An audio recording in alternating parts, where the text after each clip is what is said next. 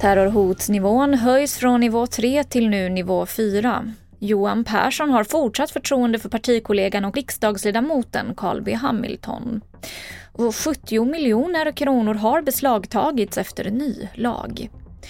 TV4-nyheterna börjar med att Säkerhetspolisen kommer att höja terrorhotnivån från dagens 3 till nivå 4. Detta erfar Dagens Nyheter som även rapporterar att Säpo kommer att hålla en presskonferens idag klockan ett. Nivån höjs alltså till 4 på en femgradig skala för första gången sedan 2016. Per Hermarud är inrikespolitisk kommentator. Det här är ju långsiktiga strategier när de gör de här terrorhotsbedömningen. Eh, nummer fyra betyder att det är ett högt eh, terrorhots, terrorhot, en eh, hög risk för terrorhot om de nu ändrar det här. Eh, det är naturligtvis eh, koranbränningarna, eh, bland annat. Det har ju varit stormning av svenska ambassaden i Irak. Det har varit aggressiva uttalanden från olika terroristorganisationer, bland annat al-Qaida. Så att, jag gissar att man har gjort en sammanvägd bedömning. Och kommit fram till det här. Men det är inte särskilt förvånande. Säkerhetspolischefen Charlotte von Essen har ju hintat om det här tidigare och många andra har ju hintat om att det, det kommer att höjas. Och en pressträff kommer att hållas klockan 13.00 med Säpo. Följ vår sändning klockan 12.55 på TV4 och på TV4 Play. Regeringen överväger att ändra ordningslagen för att få stopp på koranbränningar. Men det kan bli svårt att få igenom eftersom att en majoritet i riksdagen idag verkar vara emot en sån lagändring. Det här rapporterar Ekot.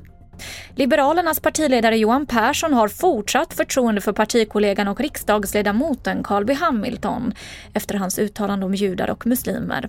Hamilton bad igår kväll om ursäkt efter att han sa att Liberalerna ser annorlunda på kritik gentemot judendomen än mot islam. Kronofogden har beslagtagit 70 miljoner kronor efter att en ny lag öppnade upp för utmätningar per telefon. Det här meddelar myndigheten idag. Lagen infördes förra året och ger Kronofogden rätt att med hjälp av polisen utmäta tillgångar utan att själva vara på plats. Om dyra klockor hittas i en misstänkt bil räcker det med ett telefonsamtal. Och syftet med lagen var att öka trycket mot den organiserade brottsligheten. Det här var det senaste från TV4 Nyheterna. Jag heter Emily Olsson.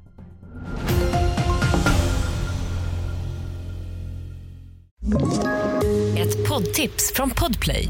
I fallen jag aldrig glömmer djupdyker Hasse Aro i arbetet bakom några av Sveriges mest uppseendeväckande brottsutredningar går vi in med hemlig telefonavlyssning och, och då upplever vi att vi får en total förändring av hans beteende. Vad är det som händer nu? Vem är det som läcker?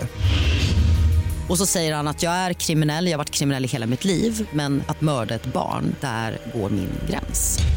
Nya säsongen av Fallen jag aldrig glömmer på Podplay.